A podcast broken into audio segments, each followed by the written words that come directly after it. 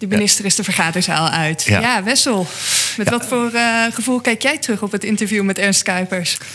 Ja, ik vond het uh, echt een heel boeiend gesprek. Uh, een hele leuke man. Hij heeft, heeft humor, hij is ontspannen. hij is niet alleen maar vragen aan het ontduiken, hij heeft echt antwoord gegeven. Ja. we weten ook nu duidelijk wat het grote probleem is van de zorg.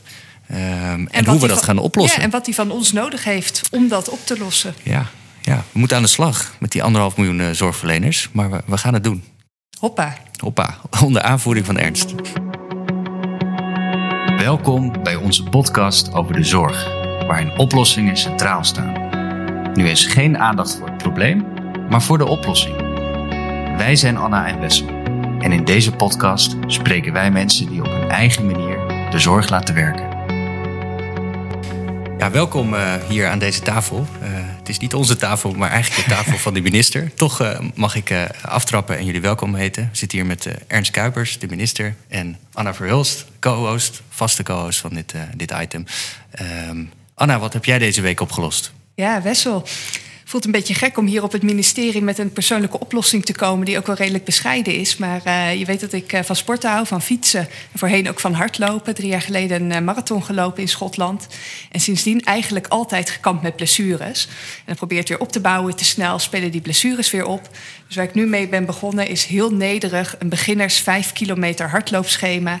Waarbij je dan echt de eerste training echt begint met nou ja, twee minuten wandelen, één minuut hardlopen, keer vier. En dat is dan je training.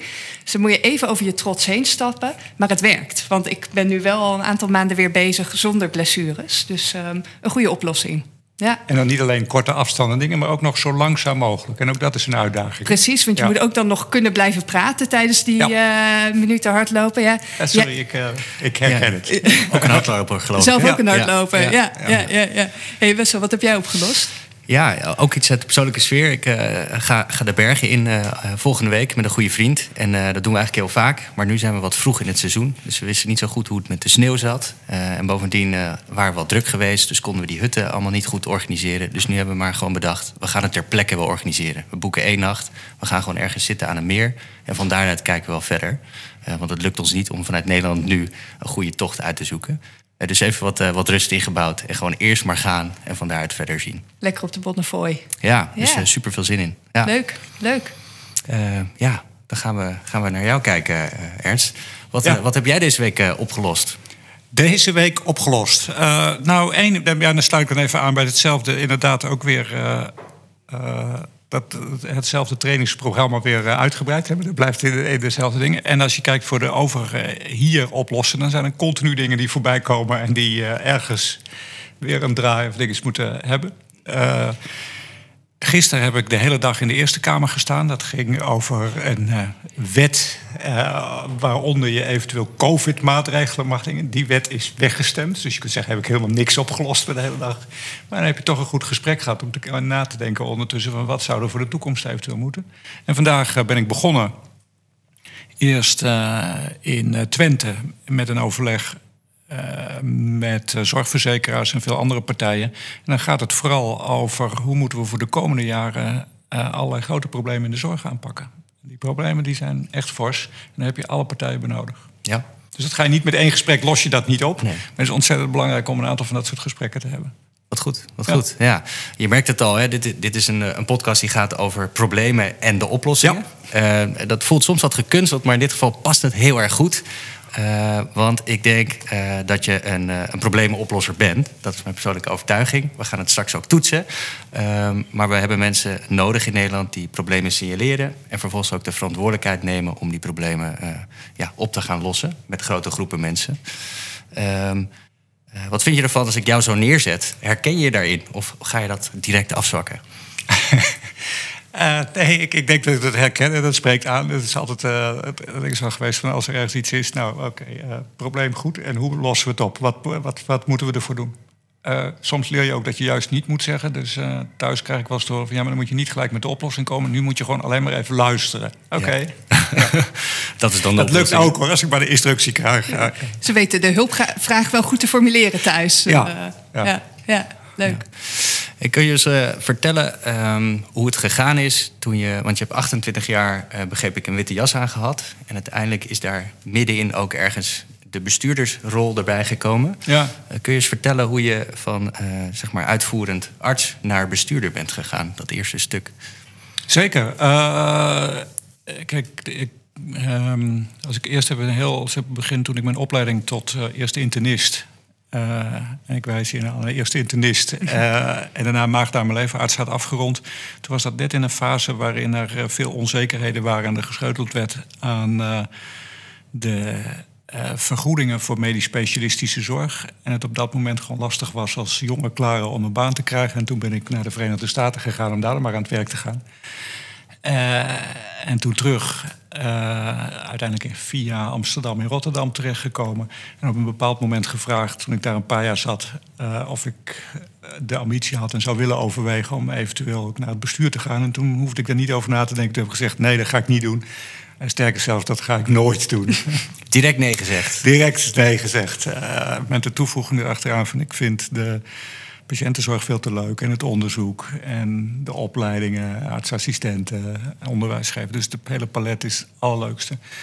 Maar gaandeweg uh, krijg je toch, je doet iets en je doet er iets bij en je doet nog een klus. En uh, voor, je, in mijn geval voor de beroepsvereniging en voor de Amerikaanse beroepsvereniging en voor allerlei andere zaken. En op een gegeven moment bij zo aan het stapelen dat wel bij mij de gedachte kwam van ja, wacht even, uh, dan moet ik ergens wel een keer kiezen. Ik kan niet allerlei dingen er maar bij doen en arts zijn en uh, procedures doen en ook al die andere zaken. Er zitten zoveel uren in een dag. Uh, en toen was het op dat moment, ja, op een bepaald moment kwam opnieuw de vraag of ik uh, bestuursvoorzitter, op dat moment bestuursvoorzitter wilde worden van het Erasmus MC. Toen heb ik ja gezegd. Ja. ja. En wat maakte dat je tegen al die bestuursfuncties wel ja zei? Was dat puur dat je dacht, nou, ik kan het erbij doen, dus dan ja. ik dokter zijn niet uh, gewoon lekker stapelen? En, uh, ja, omdat het leuk is, omdat het interessant is. Dat was altijd een aardige vraag. Uh, en de eerste keer begin je aan iets en dan denk je, nou, geen idee. Ik, volgens mij moeten ze mij niet hebben, maar ik heb ook wel eens gezegd van, moet je niet iemand anders hebben? Maar dan was het, nee, maar we willen graag hè, dat er bijvoorbeeld een jonge klare dit oppakt... in plaats van iemand die al heel lang in het vak zit. Was toen, nou, dan begin je ergens aan en dan is dat leuk. Uh, en zo kom je van het een in het ander. Nee. waarom denk je dat ze jou vroegen daarvoor? Um, ik denk dat het andersom is. Ik denk dat mensen gewoon heel vaak gewoon gevraagd worden. Uh, en dat je er heel erg voor open moet staan om dan ook maar ja te zeggen. Ook al denk je, nou, ik weet het niet. Ik moet me eerst maar eens even inwerken. Ik moet ook maar dingen. Dus dat is over het algemeen heel erg mijn advies ook aan jonge mensen. Van als je voor dingen gevraagd wordt, sta ervoor open. Of dat nou iets is binnen je eigen instelling of binnen je beroepsvereniging. Of kan ook zijn bij de sportvereniging. Uh, iets. Uh, stap erin. En natuurlijk kost zoiets tijd. Maar je leert er ook van. Het is ook leuk. En gaandeweg vind je voor jezelf ook de dingen waar je goed in bent. Of waar je nog niet zo goed in was, maar goed in kunt worden. En uh, dus bij de eerste keer zeg ja, de tweede keer zeg ook ja, de derde keer zeg ook ja. En bij de vierde keer kun je denken van oké, nou ben ik aan het stapelen, wat kan er dan af? Wat vind ik het leukste? Ja. Dan ben ik wel benieuwd. Hoe ging het dan toen je werd gevraagd om minister te worden? je was niet eens lid van een politieke partij, geloof ik, voor je uh, werd gevraagd. Nee, ik had wel uh, um, input gegeven op, voor D66 op de zorgparagraaf voor verkiezingsprogramma. Wat ook niet zo vreemd was vanuit de functie in de zorg.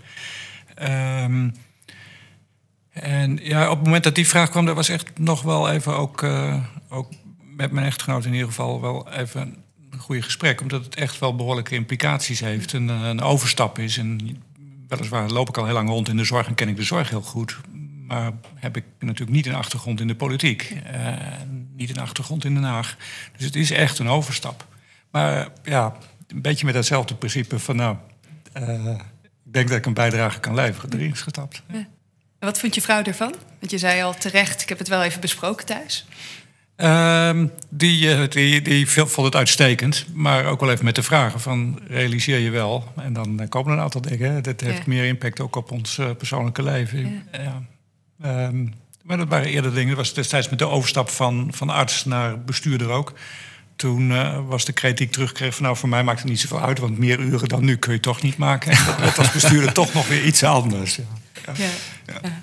Er zijn in de loop van je carrière dus eigenlijk alleen maar uren bijgekomen. Is dat... Uh... Ja, dat, is, dat geef ik al aan. Je wordt, altijd, je wordt op een gegeven moment ga je ook anders werken en word je, je wordt steeds ervaren om allemaal dingen erbij te doen. En dan is ook op een gegeven moment is dat ook de show. Dat houdt je ook, uh, dat is ook leuk.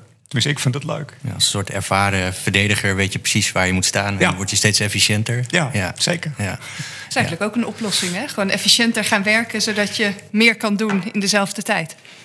Ja, maar ik denk, ik, ik, sorry, ik, ik mag natuurlijk met, we hebben net in het voorgesprek heel even gehad al over, de, over opleiding eh, voor internist acute geneeskunde en over werk op een spoedeisende hulp. En werk op een spoedeisende hulp, eh, maar ook op veel andere plekken is op een gegeven moment ook. Hè, hoe kan ik zo goed mogelijk een overzicht hebben? En is het leuk, zelfs op een hele drukke vrijdagavond, terwijl alle kamers al vol liggen en er ook nog twee ambulances aangekondigd worden. En is het dan leuk om soepel en efficiënt en in een ontspannen sfeer met het hele personeel dat allemaal te doen. Ehm, ja, mag niet zeggen dat dat een sport is, maar dat is ook iets waar je heel veel werkplezier uit kunt halen. Om dat te doen, ook juist met een team. Eh, zonder dat er, terwijl het heel druk is en er heel veel spoed is en er echt dingen moeten gebeuren, maar zonder dat er stress is. Zonder dat er het gevoel is van ik weet niet meer waar ik mee bezig ben. Eh, en dat is een kunst en dat leer je in een opleiding tot internist. Of dat leer je al eerder. Leer je ook in een opleiding voor verpleegkundige op een intensive care of ergens. Ja, dat leer je als bestuurder ook. Nou, sterker nog, ik heb je volgens mij in een ander interview horen zeggen in een podcast dat eh, toen je periode in die, eh, hè, tijdens de COVID-pandemie hoogtepunten, dat dat voelde als één lange Deventer weekenddienst. dat is het ziekenhuis waar jij bent opgeleid eh, Ja. als assistent. Ja. Hoe, is dat, hoe is dat nu als minister? Is dat ook gewoon één lange weekenddienst? Eh, nou, die, dat, die, die eh, coronaperiode was een hele bijzondere periode. Eh, zeker die eerste golf. Ik denk dat iedereen dat, heeft daar in zijn eigen omgeving bijzondere herinneringen aan. Maar dat was plotseling ja, een totaal bizarre wereld. Waar je ontzettend veel dingen moet doen. Overdag eh, tussendoor mijn telefoon weer moest opladen omdat die leeg was. Dus op een gegeven moment met een battery, met zo'n batterijpakketje rondloop. Eh, de- Heel hip. ja, heel hip. Wat ik ook heel hip voor het eerst dat mensen zeiden: God, er staan, bestaan ook oortjes die je kunt. ja, sorry. Ik, ik, het bleek inderdaad een enorme uitvinding. Ja, de eerste oortjesset die was ik wel binnen 24 uur kwijt.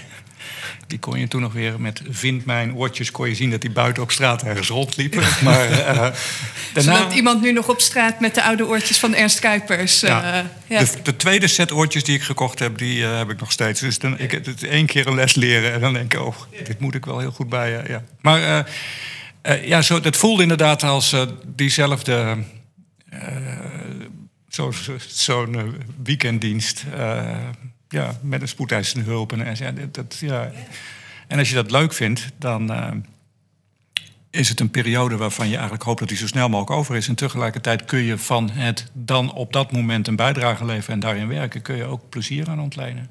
Klinkt, eh, klinkt tegenstrijdig, moet mensen ook niet, niet verkeerd aan begrijpen. Je wilt echt dat het niet gebeurt en dat het over is.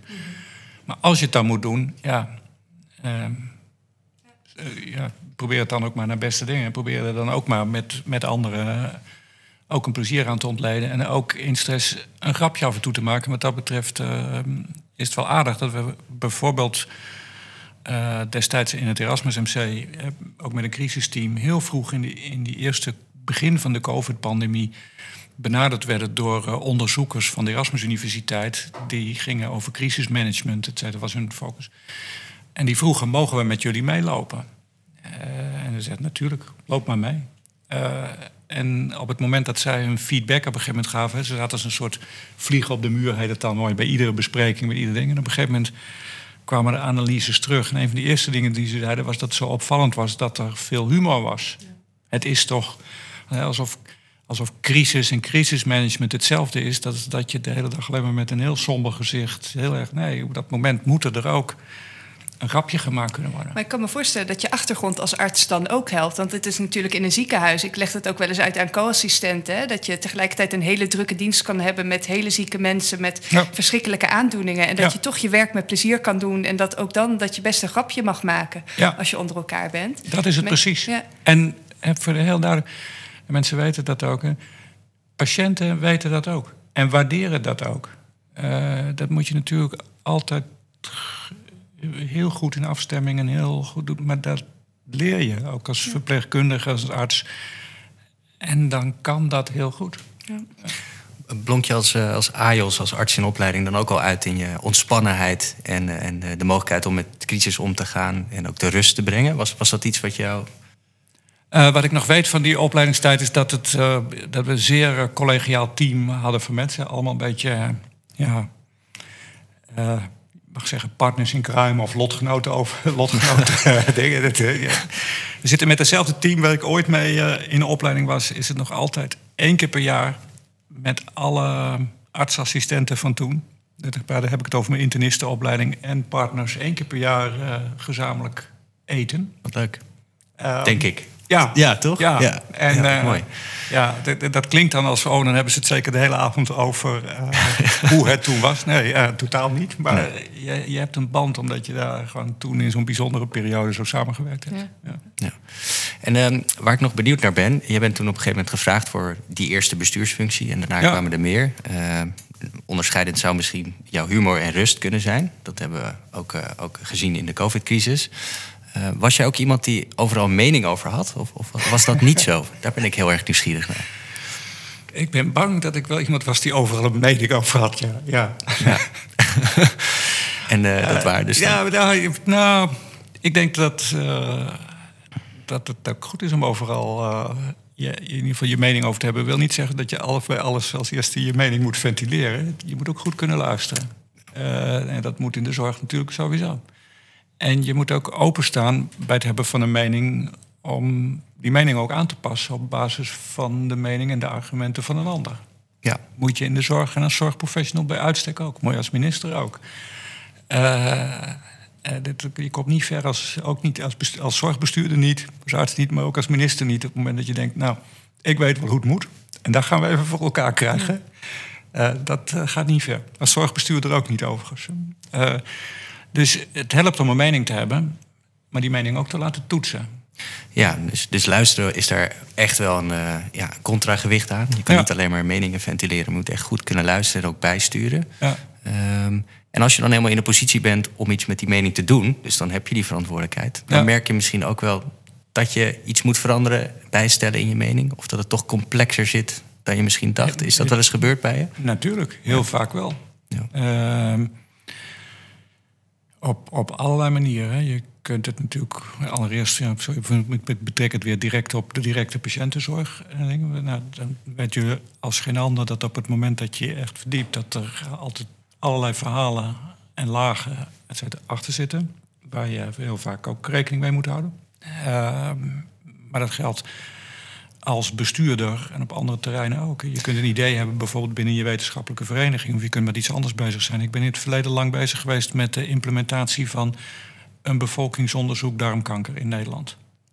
Darmkanker komt veel voor, is bij uitstek een tumor die, uh, waarvan je voorstadia kunt ontdekken. als je die verwijdert, dan voorkom je kanker. En is eigenlijk in slecht Nederlands een no-brainer.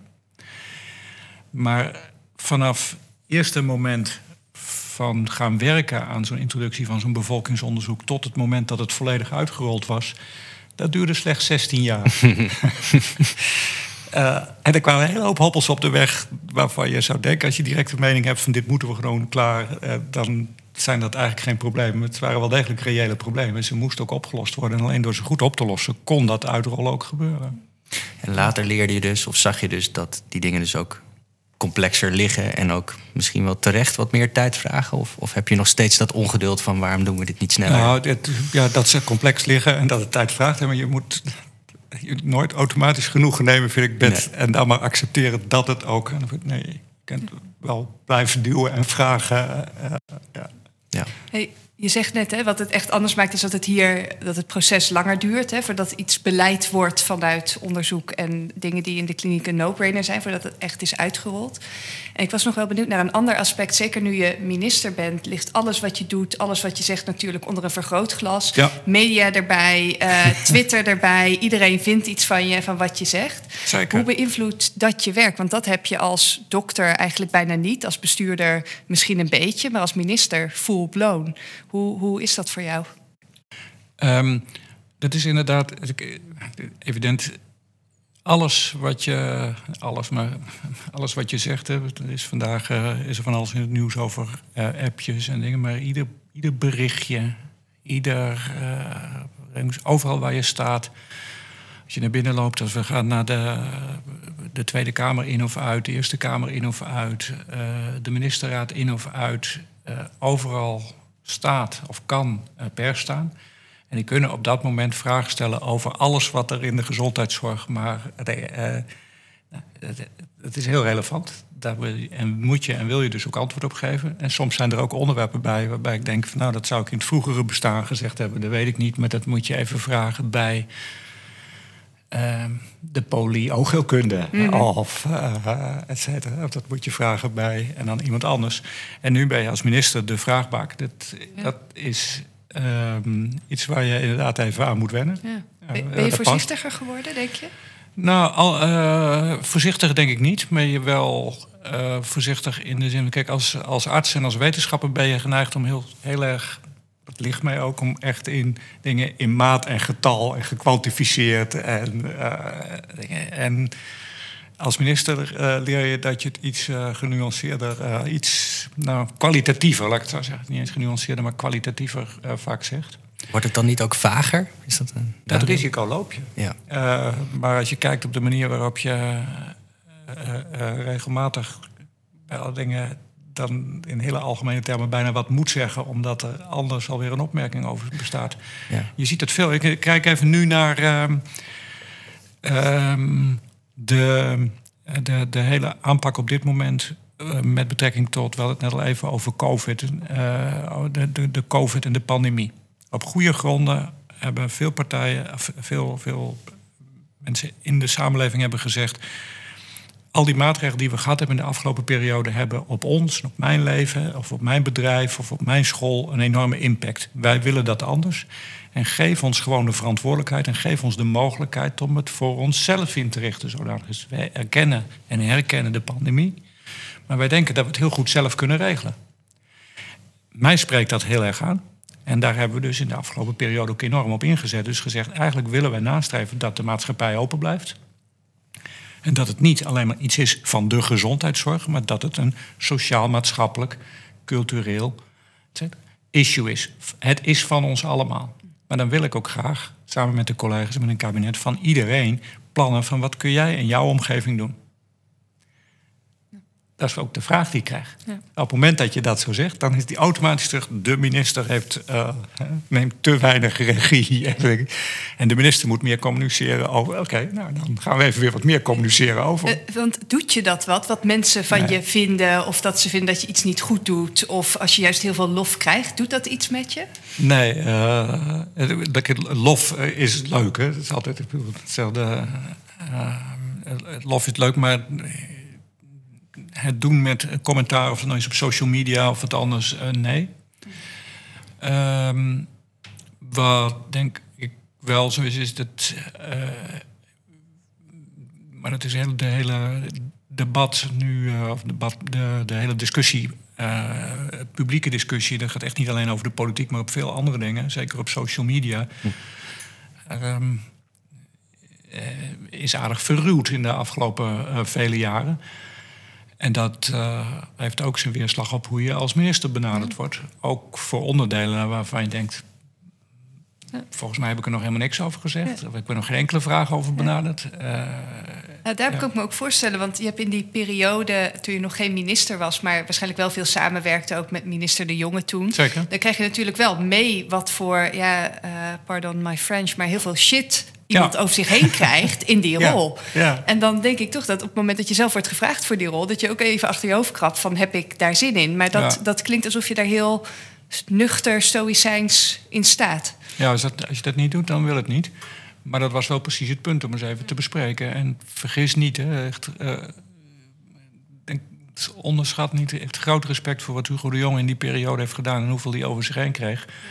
Uh, dat is niet mis te verstaan. En dat kan echt een impact hebben op, uh, op, op je functioneren, je effectiviteit van de minister. Maar Hugo heeft, heeft daar gewoon, is gewoon doorgegaan en dat moest ook. Maar, ja.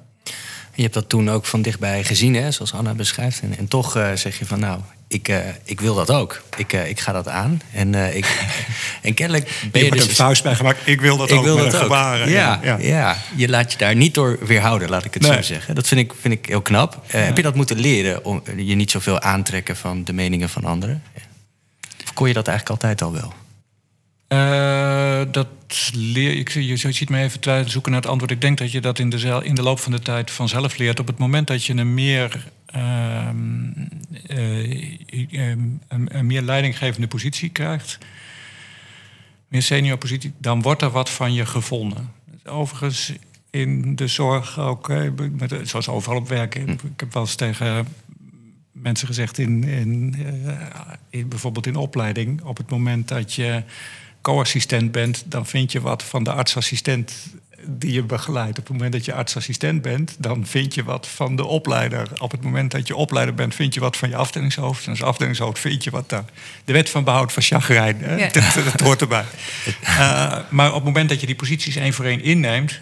en bijvoorbeeld opleider wordt, afdelingshoofd wordt, uh, bestuurder wordt...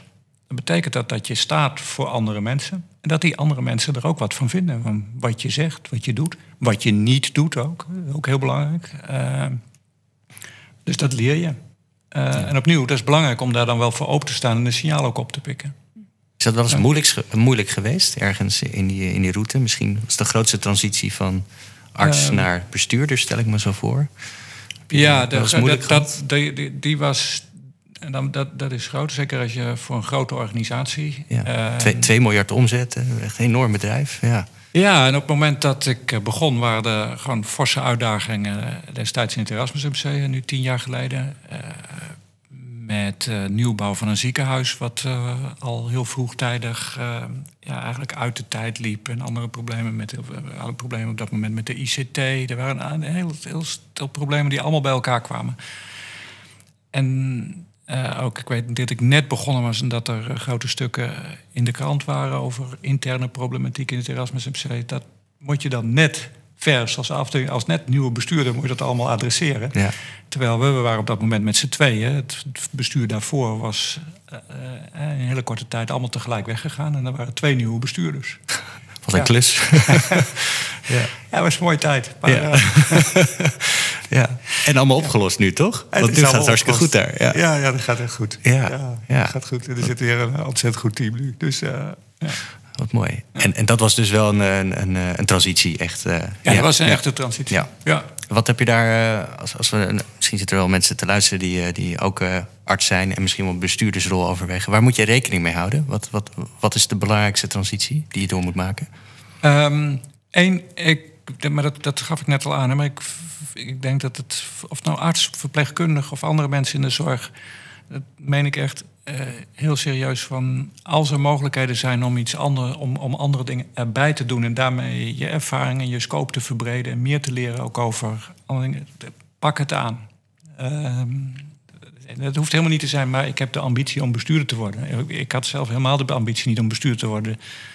Ik ben er ingerommeld eigenlijk. Uh, ja, daar wil ik nog wel eens even, even, wat over vragen. Want dat, dat, u lijkt me niet een hele impulsieve man. En, en, uh, het begint gelijk met u nu opeens. ja, ja, ja, ja maar, even wat steviger. Want, want dat, dat kan toch bijna niet, dat je daarin rolt. Je bent toch niet ineens uh, op zo'n positie. Daar, daar, moet, nee. daar moet een bepaalde gedachte of, of gevoel bij zitten, toch? Nee, maar ik ben niet... Te, ik, ik, ben, dus, ik ben niet begonnen aan arts worden, want ik wil bestuurder worden. Ik ben niet uh, afdelingshoofd of hoogleraar geworden, want ik wil daarna bestuurder worden.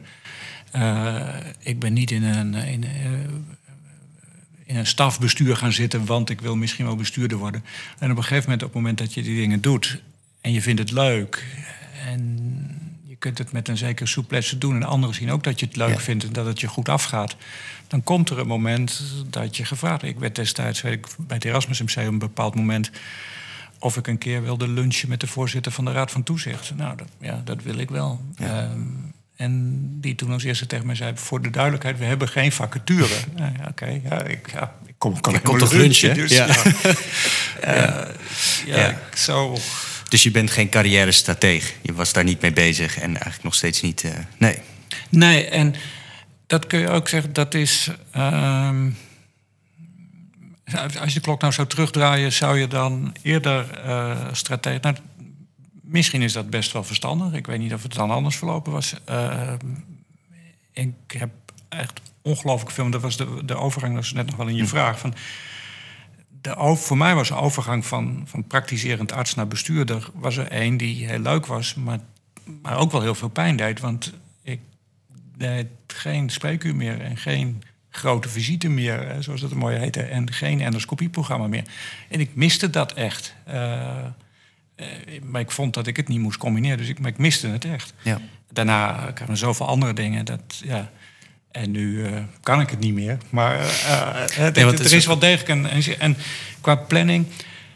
Kijk, wat nu om hele begrijpelijke reden heel veel gebeurt... is dat men, jonge mensen heel begrijpelijk heel erg gefocust zijn op... nou, als ik nu iets doe, en wat betekent dat dan voor mijn cv?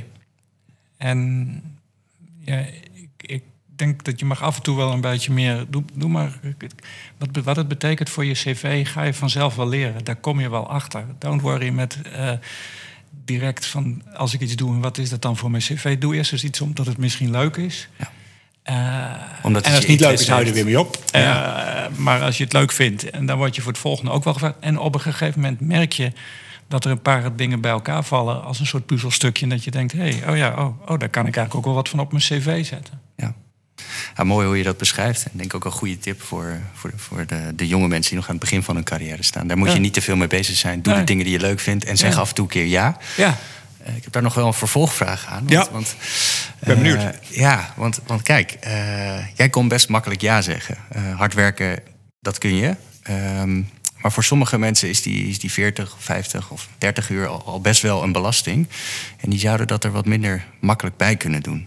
Hoe, Ja. hoe kijk je daarnaar? Ja, nou eerst daar even voorop zetten, die 40, 50 of meer uur of zo, dat, ehm, dat is niet iets wat je, wat je moet willen en dat is niet gezond altijd. Hè. Ik, bedoel, ik kom nog uit een tijd dat dat anders was voor mensen in opleiding. en Dingen. Het is goed dat dat veranderd is en dat er dus ook meer ruimte is voor andere dingen. Eh, het was helemaal niet normaal om eh, op zaterdagochtend te beginnen met je weekenddienst. ehm, en met één assistent intern en één assistent chirurgie het hele ziekenhuis te draaien tot maandagochtend. Dat is gelukkig niet meer zo. Dus het is ook niet iets om, om te, als je wel kan dat doen. Nee. Je, je vader heeft je zelfs afgeraden, begreep ik, om geneeskunde te gaan studeren. Ja. Hij was zelf arts. Hij Ja. zei, dat is veel te hard werken. Dat, dat moet je maar niet doen. Nee, en daar had hij een punt. Dus eh, het is goed om niet die uren. En ook voor mensen die zeggen: ja, maar ik heb totaal andere balans. We hebben het net even gehad over hardlopen. Eh, eh, ja, of over andere sporten, of over vrienden, familie, gezin. Eh. Ehm, het is goed om een goede balans te maken, maar ook binnen de uren die je zelf beschikbaar hebt voor iets, zijn er ongetwijfeld mogelijkheden Ja. om dingen te doen. En je hoeft niet zo gek te stapelen zoals ik dat uh, vroeger Nee, gedaan heb. nee dat, dat, is, dat is niet voor iedereen, denk ik, toch? Dat, eh, ja. Ja, maar, maar Maar een beetje wel. Ja. Zeg een keer ja, zeg je eigenlijk. Zeg een keer ja. Zeg een keer ja. Ja. Ja. Ik ben eigenlijk wel benieuwd, hè? want eh, ik heb ook inderdaad in oude interviews met heel veel plezier geluisterd naar het verhaal over jouw vader die huisarts was op het platteland en altijd bereikbaar. En er kon Ja. altijd een bevalling midden in de nacht komen. Hè, en dat hij dat dan eigenlijk liever niet voor jou wilde, zo'n druk leven. Wat denk je, want ik heb ook begrepen, je vader leeft niet meer inmiddels. Maar Nee. heb je een idee wat hij ervan zou vinden dat je nu minister van Volksgezondheid bent? Uh, Jazeker, dat had ik wel. Dat, dat, kijk, uh, stil zou hij het wel misschien wel aardig gevonden hebben, maar tegen mij zou hij dat ooit gezegd hebben. En dan uh, iedere keer eigenlijk maar alleen maar met een uh, citaat uit de krant bijvoorbeeld. Van, uh, waar iets weer niet goed gaat. En dan zeggen, ja, wanneer los je dat nou eens op of zo. Dat zou typische stijl zijn geweest. Ja. En maar stiekem Altijd, dan toch eh, eigenlijk ook wel heel erg trots, denk ik. Tuurlijk, kijk, toen ik wel met geneeskunde was begonnen, eenmaal net, on, ondanks zijn advies, toen was het standaard zo dat als ik thuis kwam, dat hij dan wel een moeilijke casus had. Weet je veel, je was net eerste, tweede, derde jaar student. En, hij was huisarts, dus ik kon altijd wel ergens in dingen. En dan stond je natuurlijk met je mond vol tanden. Ik kwam net tot een paar vragen, maar verder niet. En dan, en dan was het altijd van, ja, wat leren jullie eigenlijk nu nog? Ja, op het moment dat ik begon met mijn interne opleiding, daar heeft hij het allereerste stukje nog net van mij gemaakt. Eerste jaar interne. En toen had ik af en toe eh, problematiek die ik dan mee kon nemen. En dat, ja, dat hij als huisarts ook altijd niet wist. Toen wilde hij wel andere dingen gaan bespreken. Kijk. Ja. Ik vind het mooi om te horen hoe bij jou... Het is, het is deels het nest waar je uitkomt en het harde werken... maar deels ook de dingen die je zelf tijdens je carrière hebt geleerd en vergaard... die je eigenlijk een geschikte man maken voor waar je nu zit. En ik weet dat heel veel mensen ook blij zijn dat er weer eindelijk een dokter, hè, minister van VWS is. Ik ben ook wel benieuwd, vind jij nou dat dat het per definitie iemand uit de gezondheidszorg moet zijn die ook minister van VWS is? Of hoeft dat helemaal niet? Nee, absoluut niet. Kijk, zit, om te beginnen op, zo'n, op een. Geldt overigens ook als zorgbestuurder, hè, of nou in een zorginstelling zit of, of hier bij VWS. Er zitten ontzettend veel uh, mensen die van de hoed en de rand weten, die heel veel weten en op een fantastische manier ondersteunen. Dus stel even voor, voor mensen op de standaard manier, mensen hebben niet zo'n zicht op, maar de standaard manier voor een minister is op het moment dat er uh, een specifiek onderwerp is. Het zij omdat je er zelf naar vraagt, het zij omdat het speelt of waar dan ook. Dan betekent het automatisch dat ambtenaren die op dat onderdeel expert zijn, komen met over het algemeen een uitgewerkt iets op schrift, een nota, eh, de eventuele achtergrond. Die krijg je allemaal te lezen. Dat kun je dan vervolgens over vragen stellen. Dan komen ze eventueel nog met aan verdere dingen. En zo bouw je je, je, je, verhaal en je beslissingen en alles wordt, je wordt enorm geholpen. Ja. Helpt het dan vervolgens dat je een achtergrond in de zorg hebt? Natuurlijk. Dat hielp mij enorm als ziekenhuisbestuurder. En dat helpt me ook als minister. Omdat je gewoon door je ervaring de onderlinge afhankelijkheden weet. Omdat je ook heel goed weet welke uitdagingen de zorg op dit moment heeft. En die, zijn, die liggen er niet om. En die zijn echt heel groot. Kunnen we, kunnen we daar iets over horen? Want, want uh, u zit op die positie en centraal overzicht over het veld. Als je helemaal uit zou zoomen, wat is het grote probleem van de Nederlandse gezondheidszorg? Eén woord, personeel. Personeel. Personeel. Ja. ja. Ehm, en dat is niet alleen van de Nederlandse gezondheidszorg, maar, uh, maar breed. Dus uh, we zijn in, in Nederland, maar op allerlei plekken, andere plekken ook, de afgelopen vele jaren op goede gronden is de hoeveelheid personeel gestaag verder toegenomen. Uh, zodanig dat in Nederland op dit moment één op de zes mensen met een baan, één op de zes, werkt in de gezondheidszorg. Uh, jullie en de meeste luisteraars die zijn gebiased. Hè, als je werkt in de gezondheidszorg, dan ken je ook veel mensen in de gezondheidszorg. Dus dan lijkt het wel een beetje een onderschatting misschien. Een onderschatting, één op de zes, maar ik dacht dat ja. nee. Maar één op de zes is echt heel veel. Anderhalf miljoen mensen, hè? Anderhalf miljoen mensen. En als je dan kijkt naar de voorspellingen van wat er met het aantal mensen met een baan, dus de arbeidspopulatie in Nederland voor de komende 20 jaar gaat gebeuren, is de verwachting dat dat redelijk stabiel blijft. Dus Nederland groeit wel, maar ja, vergrijst ook. Dus het aantal mensen met een baan blijft ongeveer gelijk. Nou, 1 op de 6 is al zoveel. En de vraag ook op andere plekken is zo groot.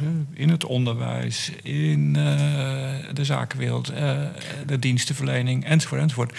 Dat we al ontzettend ons best moeten doen om één op de zes te blijven. Maar in de ontwikkeling waar we nu zitten, is eigenlijk de hele groei naar 1 op de 5 in 2030, 1 op de 4 in 2040. Dat gaat niet. Nee. Wat dus moeten we, doen? dingen ja. doen om te zorgen dat we mensen zo goed mogelijk behouden dat je mensen daarmee dus ook een bepaald carrièreperspectief geeft en ook zelf in staat stelt. In een team om de zorg zelf zo goed mogelijk in te richten. Maar het betekent ook iets ten aanzien van keuzes maken. Uh, ja, dan hoor je echt de minister helemaal praten, maar dat zei ik als bestuurder ook. Komt er echt op neer. Uh, wat doen we met de beschikbare mensen? Het gaat helemaal niet eens over geld, het gaat gewoon over mensen. Mhm. Met de beschikbare mensen en daarmee ook capaciteit hoeveel kunnen we dan behandelen en wat heeft dan de, de, belangrijkste meerwaarde? Dat betekent iets in uitleg aan burgers. We kunnen niet meer volhouden dat we alles blijven doen. Betekent ook iets uitleggen aan professionals bijvoorbeeld. Aan, aan, nou, ik zit hier met uh, twee artsen aan tafel, aan artsen. Waarbij je moet uitleggen dat je in jouw vakgebied niet meer alles mogelijk is omdat we gewoon de mensen niet hebben. Ja, en dan uh, raak je een beetje aan de professionele autonomie. En dat vinden artsen altijd uh, heel erg lastig. Ja. En, uh, oh ja, nou, daar gaan we voor zitten. Kom ja, op. Ja. Want, wat dat, die dokters in de lead, dat hebben we jarenlang Zeker. geprobeerd. Maar moeten we daar niet een beetje vanaf? Moet er niet wat meer centrale regie? En bent u niet de man door de achtergrond om die regie te pakken? En dan is het opeens helemaal niet leuk dat er een, minister, een arts zit als minister. Nee, dan, dan moet je aan de slag. Ja. hoe, hoe kijk je daarnaar, die dokter in de lead? Is ja, de, ja, de, dokter, nou laat ik eerst zeggen, de professional in de lead. Ja. Ook de verpleegkundige en de andere, ik kan het niet genoeg. En, en de fysiotherapeut en de operatieassistent en zo. Maar professional in de lead. Hm. Professionals weten ontzettend goed, in de zorg, maar ook op andere plekken... hoe je eigen zorg optimaal kunt inrichten. Ik ken ook patiënten die weten, dat weet je heel goed. Uh, en daar wil je graag de lead hebben en houden. Maar de problematiek die er nu is groter, betekent dat, dat was er vroeger al, maar nu nog meer, dat die professional, terwijl die in de lead is, ook een verantwoording heeft naar andere professionals en naar de patiënten van een ander en naar de Nederlandse burger. En dan betekent het opeens wat dat je, als je die verantwoordelijkheid ook hebt, dat in de lead zijn niet meer kan betekenen, maar daarmee weet ik het beste wat er allemaal moet. En kan ik het ook helemaal inrichten zoals ik denk dat het voor mij en mijn patiënten optimaal is. Dan komen we op nu terug op datzelfde wat ik net zei. Ook, ook, dat geldt ook voor bestuur en zo. Je moet ook kunnen luisteren naar anderen. Ja. En dat betekent bijvoorbeeld in de lead zijn. En blijf maar even dan bij de specialist. Um, als we zien dat we in Nederland gewoon een prachtig systeem hebben. Gebaseerd op solidariteit, publiek gefinancierd, heel goed opgeleide mensen, et cetera. Maar dat op allerlei terreinen uiteindelijk ook toch gewoon aan hele harde meetpunten kwaliteit van zorg ook nog wel tegenvalt of verder te verbeteren valt, laat ik dat zo maar zeggen, dan kom je toch aan, uh, nog naast die discussie over het aantal mensen, dat het wel betekent dat we de zorg voor de komende jaren gewoon echt uh, op onderdelen anders moeten inrichten. En dat komt, het betekent dus ook in die autonomie van die dokter, ja, dat het misschien niet meer zo is dat je op jouw plaats het hele palet aan verrichtingen en service kunt bieden die jij graag zou willen doen. Er gaan dingen wegvallen ja. uh, moeilijke keuzes komen. Ja. En dan merk je toch, en misschien dat dat voor jou ook makkelijker is qua positie, maar ook omdat je al die verschillende perspectieven in je loopbaan hebt verzameld. Maar je ziet bijvoorbeeld nu hè, met de discussie rondom de spoedeisende hulp en in hoeverre moet er overal een volledige spoedeisende hulp open zijn, dat daar ook al een flinke tegenreactie vanuit beroepsgroepen komt, die het niet helemaal eens is met de lijn die jij vanuit VWS uh, eh, wil voeren. Hoe, hoe, hoe ga je daar goed mee om? Ja, nou eerst maar even, ik heb het, ik zei vanochtend eerst bij een congres geweest met zorgbestuurders en professionals en anderen. En precies dit punt ook benoemd. Met een ding is erbij eigenlijk van niet in mijn achtertuin. Uh, en als ik alleen kijk naar de discussies over de afgelopen periode, dan is er op goede gronden is er een discussie over contractering in de geboortezorg. Over de geestelijke gezondheidszorg en de jeugdzorg. Over inderdaad het aantal spoedeisende hulpposten over uh, concentratie van hele zeldzame complexe ingrepen, zoals kinderhartchirurgie. Zo kan ik nog wel even doorgaan. En bij elk van die onderwerpen zie je dan dat professionals zeggen: Ja, er is een probleem, dat herken ik wel.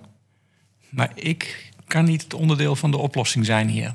Uh, en ja, dat is het punt. Daar komen we dan terug op professionals in de lead. Maar dat betekent ook van, dat kun je niet allemaal overeind houden. Dus op het moment dat er, om bij dit voorbeeld te blijven, uh, de Nederlandse Zorgautoriteit constateert dat we in Nederland A, een tekort aan personeel hebben en dat we voor de acute zorg tegelijkertijd ook plekken hebben waar de dichtheid aan spoedeisende hulpen hoog is. Maar er dan ook spoedeisende hulpen s'avonds en s'nachts open zijn en er dan gemiddeld één patiënt komt. Ja, dan is het een logische vraag van, ja, maar kunnen we dat dan toch met z'n allen samen anders inrichten? Want er is hier weinig werk en hier is er een wachtlijst. Ja, uh, en ik denk dat is dan uiteindelijk aan het ministerie en aan de minister om dat probleem toch gewoon echt heel nadrukkelijk op de tafel te leggen. En ook niet weg te gaan voordat het opgelost is. Ja. Wij moeten het oplossen. En anders dan loopt het helemaal vast. En kunt nog even, dat, eh, als ik maar een beeld bij op mag roepen, heeft iedereen het nog over dat enorme containerschip wat vastliep in het Suezkanaal. Hoe kun je nou vastlopen met een containerschip in het Suezkanaal als je de plaatjes ziet dwars?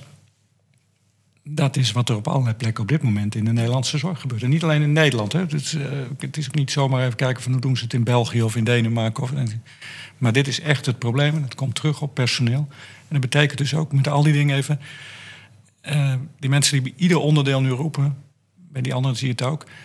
Niet bij mij in de achtertuin, helaas. Maar het wordt bij ons allemaal in de achtertuin. Ja. Ja, want we gaan naar de laatste vraag. En, uh, en die gaat eigenlijk over uh, de mensen in de zorg. Die ja. anderhalf miljoen, het ging er net al even over. Uh, ja, nu een beetje de kans om als baas of aanvoerder van al die mensen... ik weet ja. niet of je het zo zelf ziet, maar ik vul het maar even in voor je... om, om te vragen... Ehm, hoe zouden deze mensen zich kunnen opstellen om die problemen te gaan oplossen? Wat heb je eigenlijk van ze nodig om, om over tien jaar een heel stuk verder te zijn? Uh, dat komt terug bij de dingen die ik al heb, uh, eigenlijk ook heb benoemd. Je inzetten voor, maar ook een ambitie durven hebben om de zorg voor de komende uh, jaren vooruit gewoon echt anders te doen. En dan moeten we realiseren, we hebben even teruggekeken, in, in een gesprek teruggekeken naar nou, enkele tientallen jaren geleden. Uh, mijn vader, een opleidingsperiode. En nu, als je kijkt even naar die periode, dan gaan we even uh, eh, 60 plus minister gaat vertellen. Maar uh, don't worry. Uh, Heel leuk. Ja. In, een, in een periode van in feite één werkgeneratie is de zorg ongelooflijk veranderd. jonge mensen vinden ontzettend veranderd. En de kans dat dat in de komende periode, in de komende generatie, kijk naar jou als, als jonge dokter, de kans dat dat in de komende periode weer enorm en nog meer gaat veranderen, is nog veel groter. Dat is de verwachting. Dat vraagt wat van onze inzet. Maar dat betekent dan ook je realiseren dat een professional in de lead, uh, autonomie, um, andere dingen vraagt. En een andere inzet dan dat we dat in het verleden deden. En dan, dan zijn er fantastische kansen. Dan uh, uh, kijk maar naar een jonge dokter uh, links naast mij, of wel dokters aan beide kanten. Dan zit er over 25 jaar zit er weer een, een arts als minister. En die zegt dan van kijk eens wat we in de afgelopen jaren voor elkaar hebben gekregen. Want het zit nu heel anders. En de problemen zijn er. En ze moeten opgelost worden. En het gaat lukken, hoor ik eigenlijk. Hè? En het Optimistisch. ja, zeker. Leuk, mooi. Ja, we gaan, we gaan denk ik afsluiten. Nog heel veel vragen, maar, maar we hebben echt enorm veel aan deze antwoorden gehad. Dankjewel. Mooi, met plezier. Ja, dankjewel. Ja. Anna, bedankt. Ja. Yes. Dit was een podcast van de Zorg Laten Werken met minister Ernst Kuipers als gast. Van zoon van een plattelandshuisarts naar medisch specialist, van medisch specialist naar bestuurder en van bestuurder naar minister. Juist al die verschillende perspectieven maakt dat Ernst Kuipers in staat is problemen op te lossen. Dankjewel voor het luisteren. Vergeet je niet te abonneren op onze podcastkanalen om de afleveringen met andere oplossers in de zorg niet te missen. Tot de volgende.